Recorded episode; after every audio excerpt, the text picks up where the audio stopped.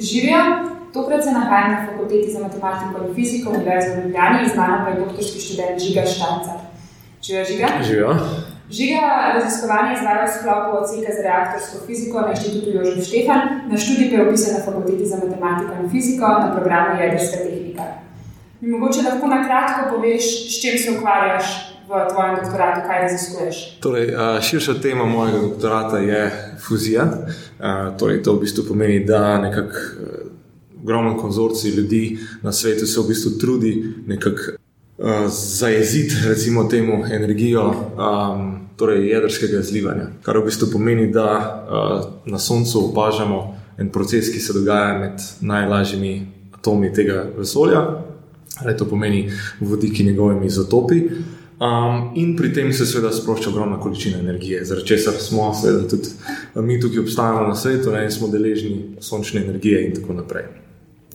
Um, seveda pa se potem postavi vprašanje, kako zajeziti to energijo, oziroma jo nekako krotiti in jo pripeljati na površje Zemlje. Ne. To je v bistvu s tem nekako tako groba tema, um, s čimer se ukvarjamo. Um, in seveda jaz se ukvarjam z enim koščkom tega, spravi, v bistvu pomagam pri. Um, Razvoju tehnologije in fizike, ki jo potrebujemo, da dejansko ustvarimo eno tako majhno sončice na površju Zemlje in pač um, dosežemo, da nam proizvaja energijo. Odkje pa zanimanje za fuzijo, oziroma za to, kar raziskuješ? Uh, ja, to je v bistvu zanimivo vprašanje. Zdaj, um, meni se zdi osebno, da je zelo veliko uh, ljudi, posebej na faksu fizike, uh, pride iz, iz te prve, oziroma bolonske stopne, oziroma včasih tudi druge, brez neke zelo močne ideje o tem, kaj sploh fizik ne bi počel v življenju. Uh, posebej, ker je naš, uh, naša fakulteta, uh, torej fakulteta za fiziko, uh, zelo teoretično naravnana, um, se včasih študenti uh, srečujemo oziroma srečujejo. Um, z vprašanjem, kaj nekdo potem v resnici sploh počne, ko postaneš certificiran fizik. Um, in v bistvu moje uh, zanimanje za to je izšlo iz dejstva, da jaz za svoje delo oziroma za neko motivacijo um, potrebujem um, neko podlago, potrebujem neko osnovo, vem, da, da vem, da s svojim delom počnem nekaj dobrega, oziroma da nekaj, kar počnem, naredi razliko v svetu. Temu, um, in posebej jedrska energija, uh, se pravi to um, nekakšno krotenje energije atoma, je me zmerno nekako um, zelo zanimivo zato sem se v bistvu konec prve stopnje odločil za uh, študij uh, reaktorske fizike in posledično jedrske tehnike. Uh, Sveda, zdaj reaktorska fizika sama po sebi je bolj skoncentrirana na fizijske reaktorje, kar pomeni reaktorje, ki v bistvu zdaj že obratujejo, to pomeni tiste, ki delujejo na um, cepitu jedra in energijo, ki se pri tem proizvaja. Um, to so zdaj, da dodam vprašanje, mogoče če, če si te fizijo, fizijo, fizijo razložil, kaj je potem fizija? A, torej, zdaj, ti komercialni reaktori, ki jih zaenkrat že imamo, večinoma delujejo na um, oziroma v gorivo so težka jedra, izjemno težka jedra. Tukaj govorimo o uranu, plutoniju, torju in tako naprej. Spravi atomih, ki so izjemno težki, izjemno težki in zaradi neravnovesja, ki nastanejo znotraj atoma, zaradi tega velikega števila eh, neutronov in protonov, ki se nahajajo v jedru. Um, so nagnjeni k temu, da enostavno razpadejo. Posebej, če jim pri tem malo pomagamo, s tem, da streljamo neutrone v, v tak sistem. In v bistvu pri tem razpadu, se tvorijo ogromne količine delcev. Zdaj, ko se ti delci upočasnjujejo, recimo v, um, v reaktorju, a, pri tem, se pri tem sprošča toplota, a, s katero lahko se, seveda segrejemo vodo, potem to vodo vozimo na a, recimo parjalnik, turbino in seveda električni generator. Spravi, to je fisija, spravi, to je jedrski razpad. Tako, naprimer, primer je ena lepa uh, elektrarna Krško, ne, ki nam v bistvu dnevno uh, dobavlja elektriko, in pa seveda tudi uh, drugi reaktor, ki ga imamo v Sloveniji, to je pa raziskovalni reaktor Triga, za katerega večina ljudi v Sloveniji ne ve, ampak obstaja tukaj v bistvu na obrobju Ljubljane, kjer v bistvu tudi mi raziskujemo največ um, um, teh recimo, pojavov, ki so povezani z jedrsko fisijo.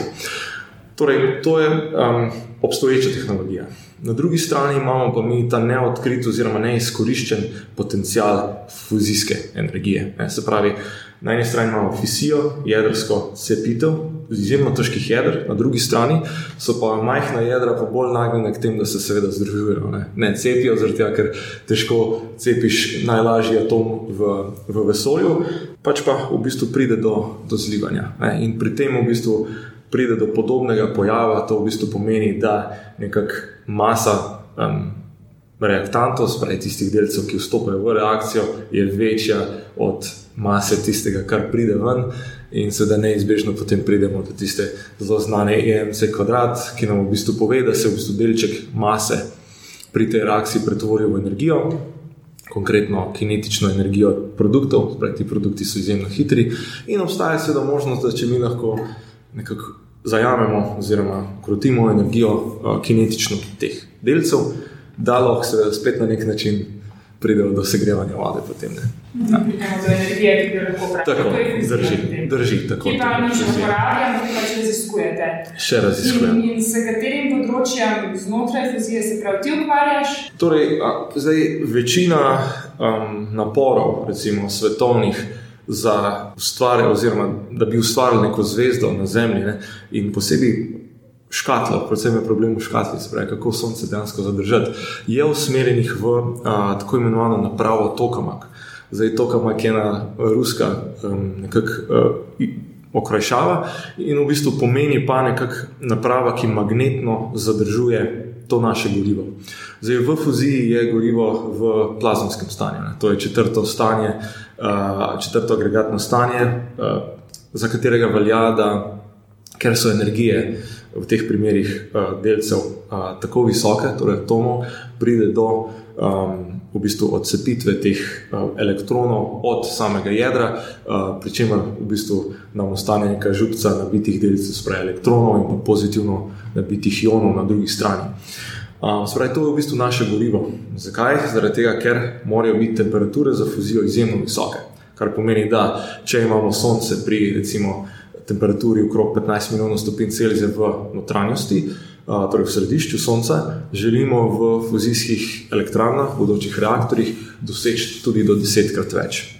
Um, zdaj, več kot. Več kot v središču Sonca. Zdaj, da ne bo kdorkoli mislil, ne, da govorimo o znanstveni fantastiki, te temperature že dosegamo in reaktori že obratujejo po celem svetu. 15 milijonov stopinj Celzija v središču Sonca, mi pa imamo recimo že desetkrat, že skoraj desetkrat več. Spravi, to ni več znanstvena fantastika, več pa to obstaja. In je ena izmed definitivno najmočnejših točk tukaj v recimo, uh, lokalnem sončju.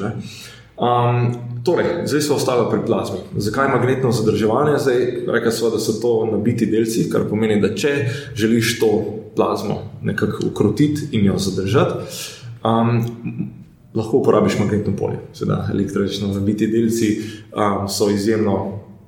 Uh, uh, spravi, reagirajo močno z magnetnim poljem, kar pomeni, da lahko v bistvu to našo plazmo, ne gorivo, stisnemo v kakršno koli obliko želimo.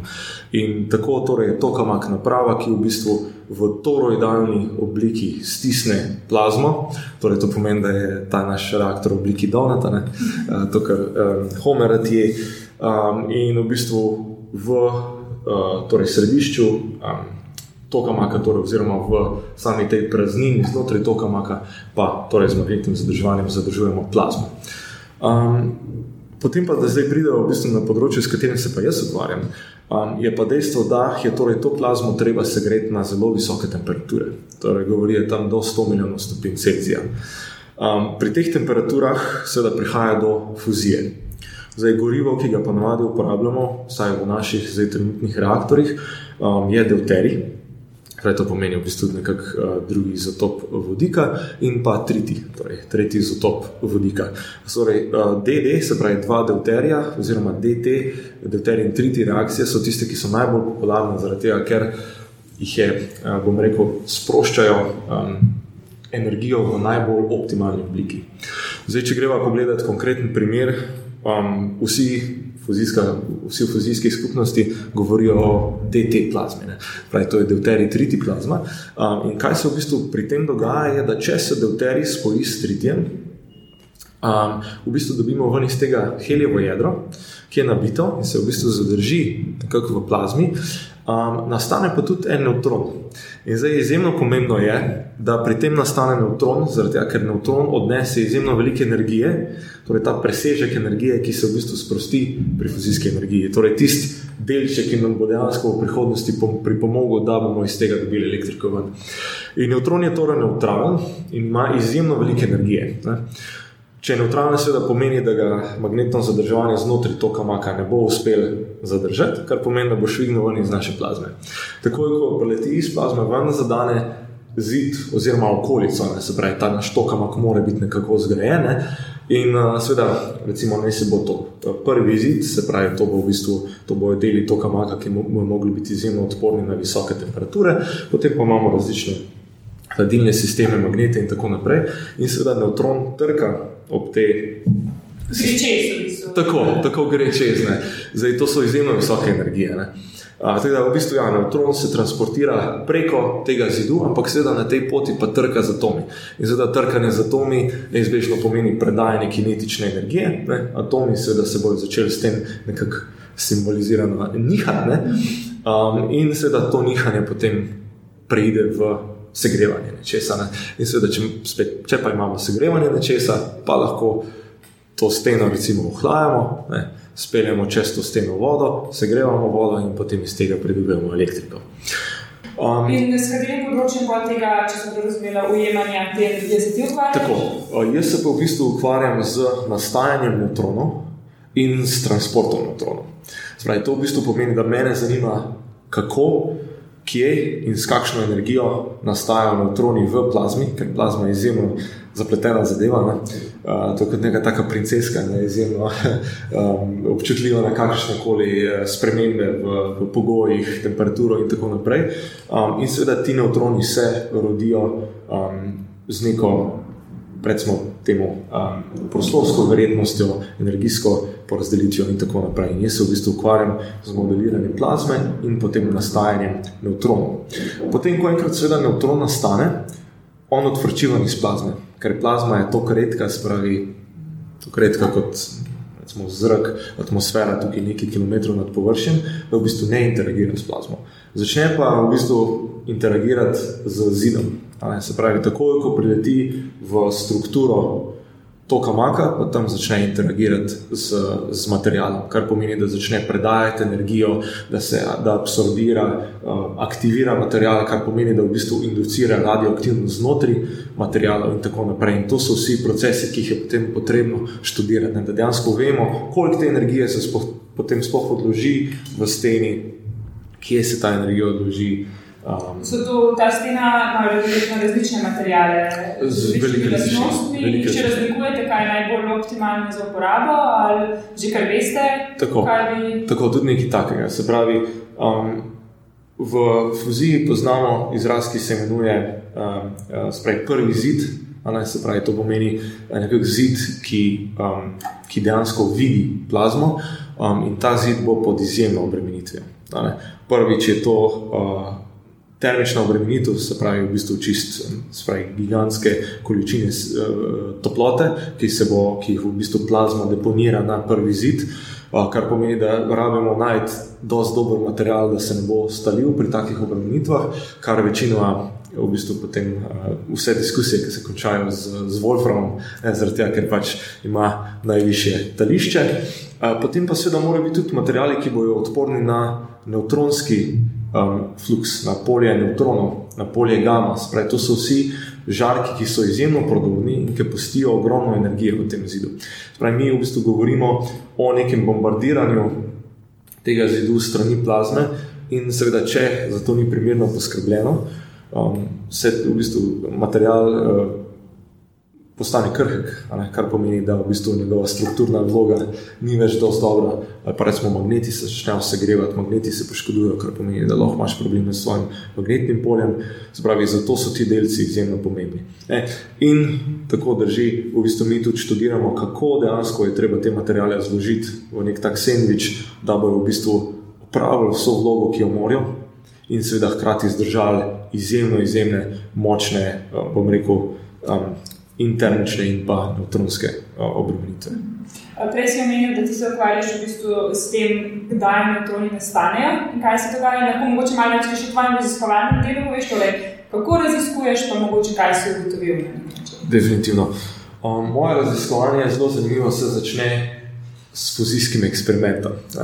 Um, to pomeni, da uh, jaz sodelujem z trenutno največjim obratujočim fuzijskim reaktorjem na svetu, to je reaktor JET. Eh, okrašava za Joint European Torus kot nekakšen skupni evropski torus oziroma tokamak, um, ki deluje v bližini, oziroma ki je postavljen v bližini Oxforda.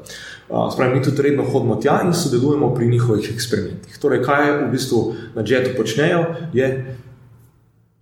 Preizkušajo različne plazmske scenarije. Se pravi, pomeni, okay, kaj če spremenimo malo tega, malo tega, dodamo malo mal različnega gretja, in tako naprej. In seveda, z ogromno Eh, detektori gledajo v plazmo. To pomeni, da imajo izjemno veliko podatkov in študirajo, spravi, na tak način seveda razumemo, kaj sploh v plazmi se dogaja in zajemajo te podatke iz plazme.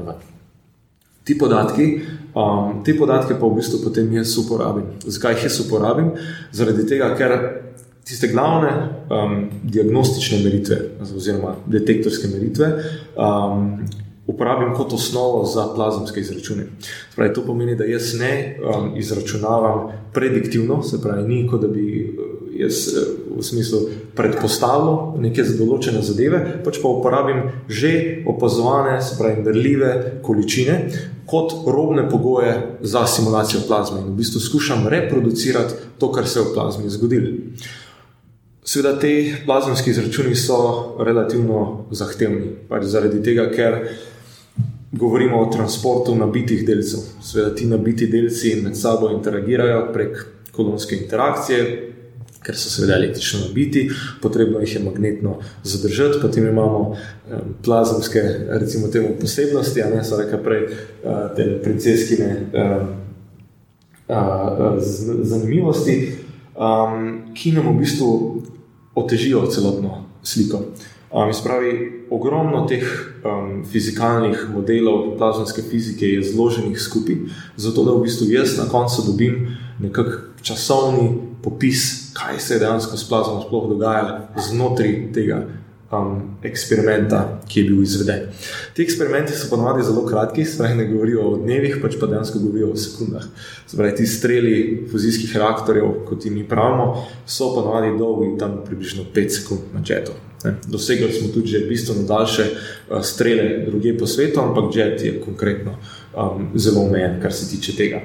Um, torej, te plazemske izračune potem jaz dejansko vzamem um, in iz njih potegnem fiziko, ki je relevantna za nastajanje neutronov. Jaz v bistvu potem prek te fizike določim, oziroma poračunam, oziroma simuliram uh, neutronski izvor, kar pomeni, da se ob vsakem naprimer, časovnem koraku, točno vem, kaj se v plazmi dogaja in točno vem, kje so bili neutroni ustvarjeni, s kakšno energijo in v katero smer so odleteli. Enkrat, ko imam jaz te podatke, lahko v bistvu jaz ta svoj neutronski izvor uporabim za transport neutronov. To pa v bistvu pomeni, da izvajamo um, transportne izračune uh, Monte Carlo. Mogoče še čist eh, na hiter, malo Monte Carlo metodi. Monte Carlo metoda je, je že samo ime dobila, zaradi tega, ker je močno povezana z generiranjem ključnih števil. Ne, na ključna števila se sveta najbolj rada generirajo v kazinojih, ne, zato Monte Carlo. Um, zakaj na ključna števila? Zaradi tega, ker v bistvu mi neutrone ne simuliramo kot celoto, se pravi, ne opišemo iz nekim um, popolnim fizikalnim modelom, pač pa rečemo, ok, gremo gledati kaj se dogaja z vsakim neutronom individualno. Kar v bistvu pomeni, da vsak neutron individualno rodimo, ga potem transportiramo skozi sistem, pravi nekako v grobe, mečemo kocke in rečemo, okay, kakšna je verjetnost, da ta neutron prepotuje tako pot, kakšna je verjetnost, da ta neutron odleti pod takim takšnim kotom, da se absorbira in tako naprej.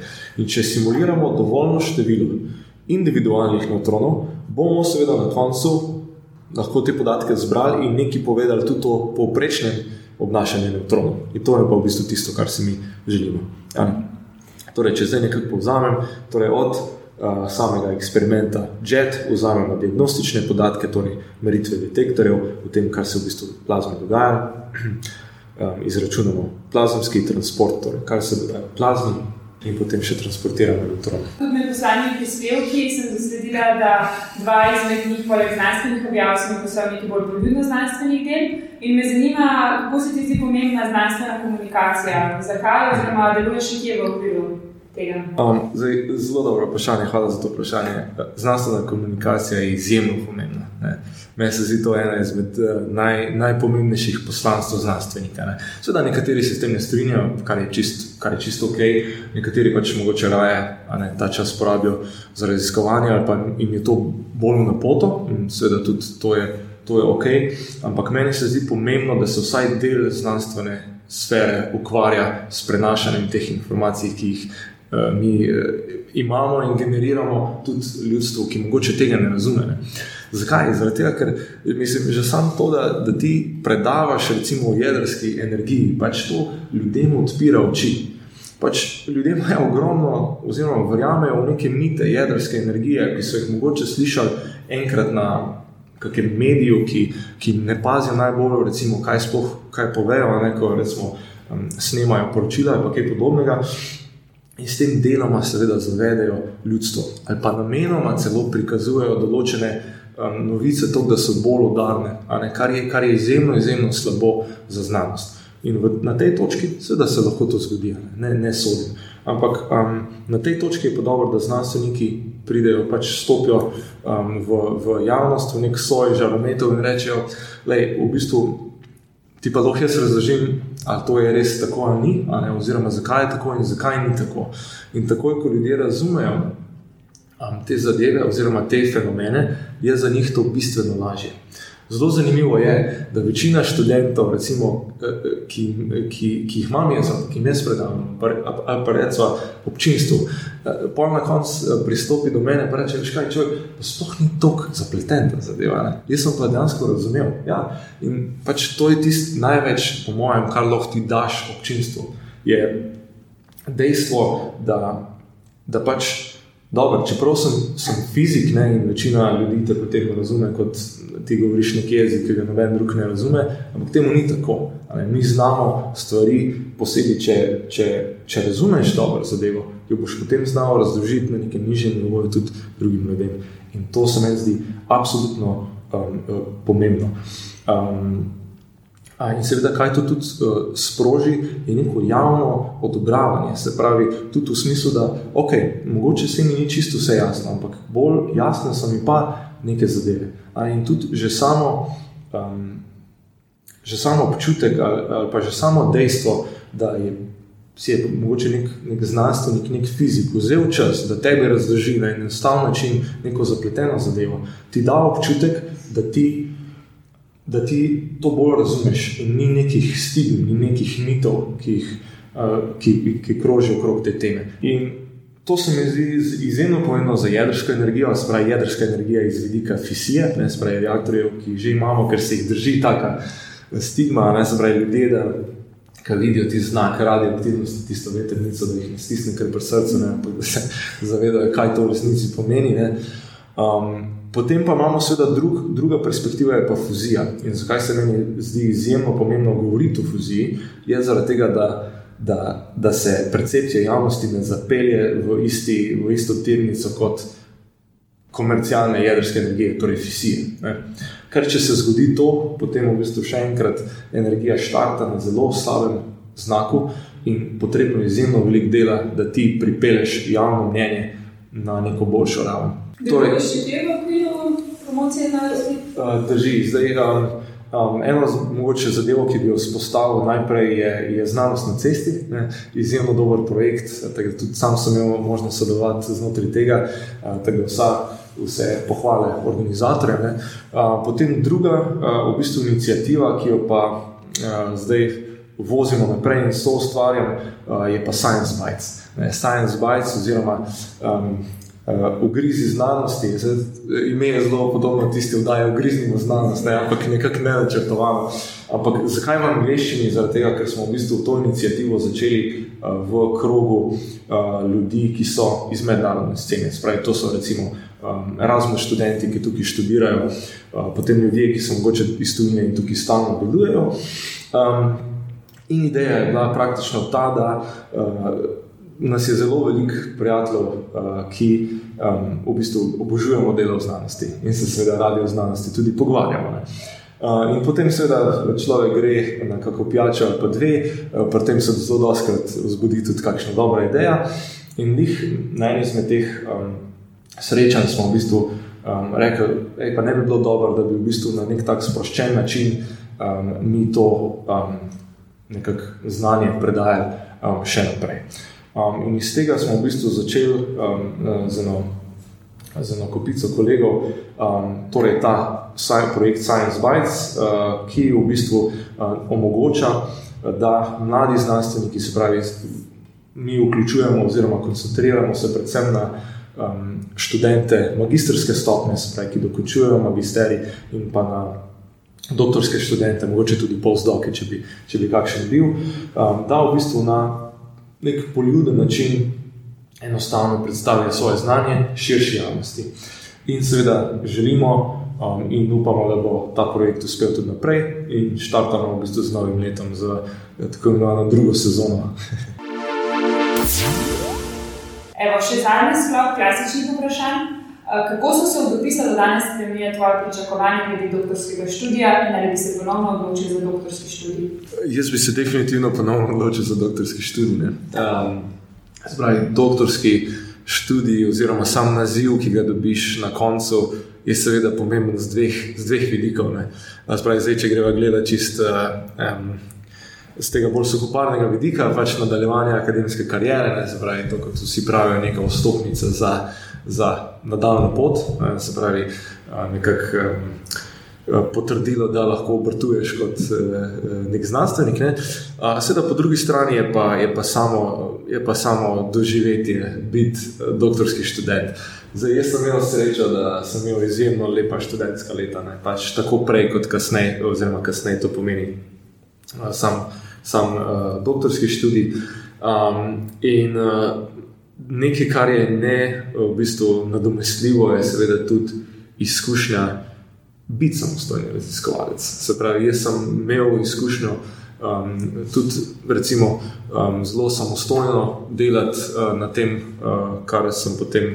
Spravo skupaj doktorsko dizertacijo, in to mi je dalo v bistvu izjemen, izjemno širok pogled na celo zadevo. Ne. Jaz sem imel tudi v bistvu to srečo, da mi je mentor omogočil, da sem v bistvu potoval um, na različne univerze po celem svetu, praktično. Um, in tam sem nekako vzorčil, kaj se dogaja. Um, in ena taka v bistvu, skupna točka vsega je bilo, da, v Sloveniji, da je v Sloveniji izjemno lepo. Um, Kolikor seveda se zelo velikokrat bojimo nekaterih tujih univerz, velikih imen, pa vidiš tam, da pač. Um, seveda nekatere stvari vladajo, ne? v drugih stvareh si pa tudi veliko boljši od njih. Um, in da je vse v bistvu mi nekako zbudil um, tako občutek uh, perspektive, se pravi, ok, res so izjemno dobri iz neke perspektive. Um, in lahko se izjemno veliko naučim od njih, ampak seveda lahko nekaj tudi ponudim nazaj. Se pravi, nisem tam kot nek sam nemi opazovalec, pač pa lahko pride do neke interakcije in posebej izhajajoč iz, iz FMF-ja, prideš z orodji, da se znaš soočati s problemi in se da to ljudje zdi, tudi opazijo. Torej, če sem odgovoril na vprašanje, ja, definitivno bi se odločil še enkrat za študij. Če bi imel priliko iti na kavo s predsednikom vlade, kaj bi mu predlagal, da izboljšam eh, na področju znanosti? Zelo zanimivo vprašanje. Tukaj gre predvsem za to, da bi poudaril, da se mora Slovenija začeti na sistemski ravni zavedati, da um, je znanost in pa s tem seveda povezana izobrazba pomembna. Um, posebej v tem smislu, da uh, poskušamo um, obdržati mlade ljudi, ki imajo velik potencial v Sloveniji. Um, definitivno se vse več govori o begu možganov v tujino um, in uh, seveda tudi uh, sam čutim del tega pritiska oziroma tega klica, rekel, ne, um, ki seveda izhaja iz dejstva, da uh, se zelo veliko krat, vsaj mladi raziskovalci, znajdejo naprimer, v težkih finančnih situacijah, kljub temu, da so recimo daleč oziroma zelo nadpoprečno um, izobraženi. Um, seveda pa um, to na nek način um, izhaja tudi uh, iz dejstva, da je do, neki, do neke mere sistemsko urejen način zaposlovanja doktorskih študentov. Kaj se zgodi po doktoratu, je pa neko tako sivo območje. Ne? In v tem sivem območju se mi zdi, da bi se tudi uh, mogel izvesti oziroma uh, štartati nek diskurs, ne, da v bistvu se začnemo pogovarjati, kako sistemsko rešiti problem mladih doktorjev. Pa tukaj ne govorimo zdaj o, o nekih eh, neperspektivnih eh, mladih ljudeh, pač pa ravno nasprotnem. Se pravi, nekdo, ki pride v vem, eh, zdaj pa realne svete, oborožen z ogromno orodij, znanja in pripravljen, da začne delati. Ampak se žal zaradi sistemskih omejitev in pa močne, recimo, konkurence tudi starejšimi kolegi, s katerimi se je težko primerjati, privede do tega, recimo, da, veliko, da je zelo veliko dobrih ljudi v bistvu primoranih oditi iz Slovenije in potem posledično najti morda celo boljšo zaposlitev, oziroma bolje plačeno zaposlitev nekje drugje. Ampak, seveda, če bi bile. Recimo, predvsem uh, zadeve, kar se tiče finančne situacije in pa zaposlitvene situacije, bolj urejene, se mi zdi, da bi da država bistveno bolj atraktivna um, za, za mlade ljudi. Torej, z njimi se pogovorimo v bistvu o tej tematiki. Kje se vidiš čez pet let in kaj boš počel čez 40 let? Zdaj, čez pet let po mojem um, izjemno zahtevno vprašanje ne, za nekoga, ki dokončuje doktorat. Um, če, če bo šlo vse po sreči čez pet let, uh, bom verjetno nekje na postdoku, torej to pomeni po doktorskem izobraževanju, nekje na kakšni univerzi, kjer me bo raziskave zanimale, in pa predvsem na neki univerzi, kjer bom verjetno lahko pridobil znanje, ki ga bom mogoče potem prinesel nazaj v Slovenijo. In mogoče upam, da naprimer v čez kakšno desetletje, dve nadaljeval, oziroma poučeval naprej v Sloveniji. Zdaj, če 40 let, pravi, pomeni pa, da bom tam okrog blizu 70. Ne. 70 pa definitivno, mislim, iskreno, zdaj z vidika fuzije, če se pogovarjamo. Um, Uh, okay, zdaj bom mogoče uvedel, okay, pogovarjamo se o pet, mogoče bom uh, rekel še 20 let. Uh, 20 let uh, čez 20 let upam, da bo v polni uh, pripravljenosti in na polno funkcioniral že nov fuzijski reaktor, ki ga, ki ga gradimo na jugu Francije. Uh, gradimo, zakaj govorim, v, uh, tudi da smo mi del tega, ko, ker smo uh, v sklopu Evropske unije, ne samo mi, sedem nekak, uh, članic tega konzorcija sodeluje. Na projektu izgradnje največjega fuzijskega reaktorja doslej, in ko se bo ta, recimo, recimo temu, igračka za znanstvenike in seveda bodoči um, bodoči instrument človeštva za pridobivanje električne energije, zagnal čez cirka deset let, um, bo uh, ponudil izjemno, izjemno veliko možnosti za nore raziskave. Tako da mogoče čez 20 let bo izjemno dober čas za um, sodelovanje z reaktorjem ITER, uh, ko se bo v bistvu pisala praktično človeška zgodovina, ko bomo pa dejansko demonstrirali, ali je možno s fuzijsko elektrarno producirati elektriko ali ne. Um, in v bistvu od, odpreš tiste zadnje tančice in negotovosti. Ne. Potem so rekli, če 40 let, blizu 70, in takrat pa po mojem, lahko da, da bom lišel v penzijo, glede na to, kako se zadeve uh, trenutno se peljejo, kar, kar mi je čisto ok, ampak iskreno, če 40 let, uh, kar bi si saj akademsko želel, je v bistvu um, sedeti nekje na eni plaži, konkretno s koktejlom v roki, um, pa poslušati novice, kako je. Uh, uh, kako se je prva demonstracijska fuzijska elektrarna zagnala. Nekaj takega bo super, ne? pa še kako dobro musko poslušati. super. Zdaj, ki si ravno veliko omenil, kakšno bi počelo za knjigo, igro, film, spletno stran ali podcast. Ja, uh, definitivno. Uh, mislim, da jaz sem strastni bralec. Uh, zelo veliko različnih um, predlogov imam, zelo odvisno, kje je štartovo. Recimo, zdaj. Uh, kar se tiče fantazije, ne, ali pa bolj um, pravi fantazija, recimo, um, bi bralcem izjemno, oziroma poslušalcem izjemno priporočal um, uh, sedmerologijo uh, um, The Dark Tower. uh, Stephena Kinga. Uh, zelo zanimivo je, da je Stephen King znan po dosti drugih delih, ampak dejansko njegov masterpiece je pa, je pa ta sedmologija, ki je daleč stran od grozljivk, recimo to, kar on ponavadi štepane. Um, tako da definitivno to. Uh, potem, uh, kar, uh, jaz, jaz sem tudi v enem bralnem uh, klubu, ne, imamo tak bralni krožek. Uh, in je od tam izjemno veliko dobrih idej. Arto pa se ni na eni izmed teh uh, ljudi, ker je dober, recimo za PhD študente, ki so navličeni življenje, pa z malo črnega humorja. Ja, posebej, če na finskem živijo, tako da je še bolj duhamorno vse skupaj. Um, potem um, zelo zanimiv je od Huxleya Brave New World, to je tudi tako zelo zanimiva um, knjiga, ki smo jo debatirali zdaj v Branem krožku. Um, potem, uh, kaj bi še priporočil? Um, recimo, um, Lincoln in the Bardo. Lincoln in the Bardo je ena zanimiva knjiga. Zdaj se ne bom spomnil avtorja, ampak nevrjetno huda knjiga pač o življenju, smrti, um, tudi dobitnica te Booker, Man Booker Prize, spravi, iz, izjemno huda. Um, potem pa jih. Um, Par tednov nazaj sem si kupil eno knjigo, ki pa govori v bistvu o hobotnicah.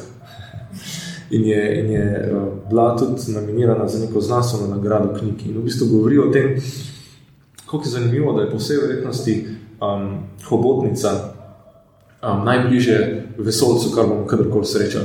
Zato, ker se je razvila v drugo smer te, uh, tega drevesnega življenja. Uh, tako in je pač v lovkah in v, oziroma v svojem telesu imajo nevrjetno mrežo uh, nevronov in je v bistvu najbližje nekemu neodvisnemu razvoju nekega skupka nevronov. Ne, zdaj, v bistvu knjiga govori o tem, kako se v bistvu s hobotnicami pogovarjati, kaj se lahko od, njim, od njih naučimo v smislu neodvisnega razvoja nekega bitja, ki je najbližje biti sentient, se pravi, zaveden. Ja. Ok, zbraj, to je po mojem knjigi, čeprav imaš še ogromno več, ampak se ne bom spomnil zelo. Uh, potem pa mm, za film sem rekla, pa uh, imam pa v bistvu enega kandidata, ki je izjemno dober. Uh, se imenuje pa uh, The Man from Earth, um, človek zemlje. Um, in uh, v bistvu ne smem več povedati o filmu. Izjemno dober, zelo enostaven film. V bistvu vse, vse skupaj se dogaja v eni sceni. Uh, en profesor se je poslavljal iz faksa in drugi ti profesori mu pridejo uh, prirediti, uh, se pravi, se pravi nepričakovano zabavo. Ne? In v bistvu uh, se potem v tej njegovi koči začnejo pogovarjati o razlogu, zakaj on sploh odhaja. Super. Okay. Uh, zadnje vprašanje. Koga od nam znanih ali ne znanih povabiti na večer, če ne bi bilo nobenih omejitev? Okay.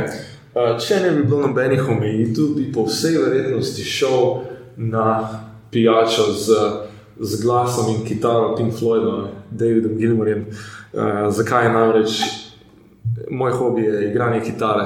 In, uh, čeprav moje um, znanje uh, fizike daleč presega moje znanje kitare, ne, še, še vedno uživam pač v igranju uh, in pa posebej pogovarjam o glasbi. In uh, kar se meni zdi izjemno dobro, je imeti eno drugo sfero življenja, tudi poleg fizike, in to mi v bistvu omogoča, da se sprostim. In pravi, če bi povabil nekoga, bil to David Gilmour, um, s katerim bi se z veseljem pogovarjal o njegovih aspektih eh, glasbe in percepcije sveta. Nasploh. Super, hvala, žigam. Poslušali ste Meta podcast. To je oddaja, v kateri se pogovarjamo z mladimi znanstveniki in znanstvenicami z različnih področji znanosti. Podcast domuje na spletišču metinalista.si, kjer najdete tudi druge zanimive znanstvene vsebine. Naše delo lahko podprete z donacijo Metini listi. Pohvale, pripombe in predloge lahko posredujete po e-mailu znanost.afnametinalista.si. Dobrodošli so tudi komentarji na Facebook profilu Metine liste in na Twitterju afnametinalista, kjer uporabite hashtag meta podcast.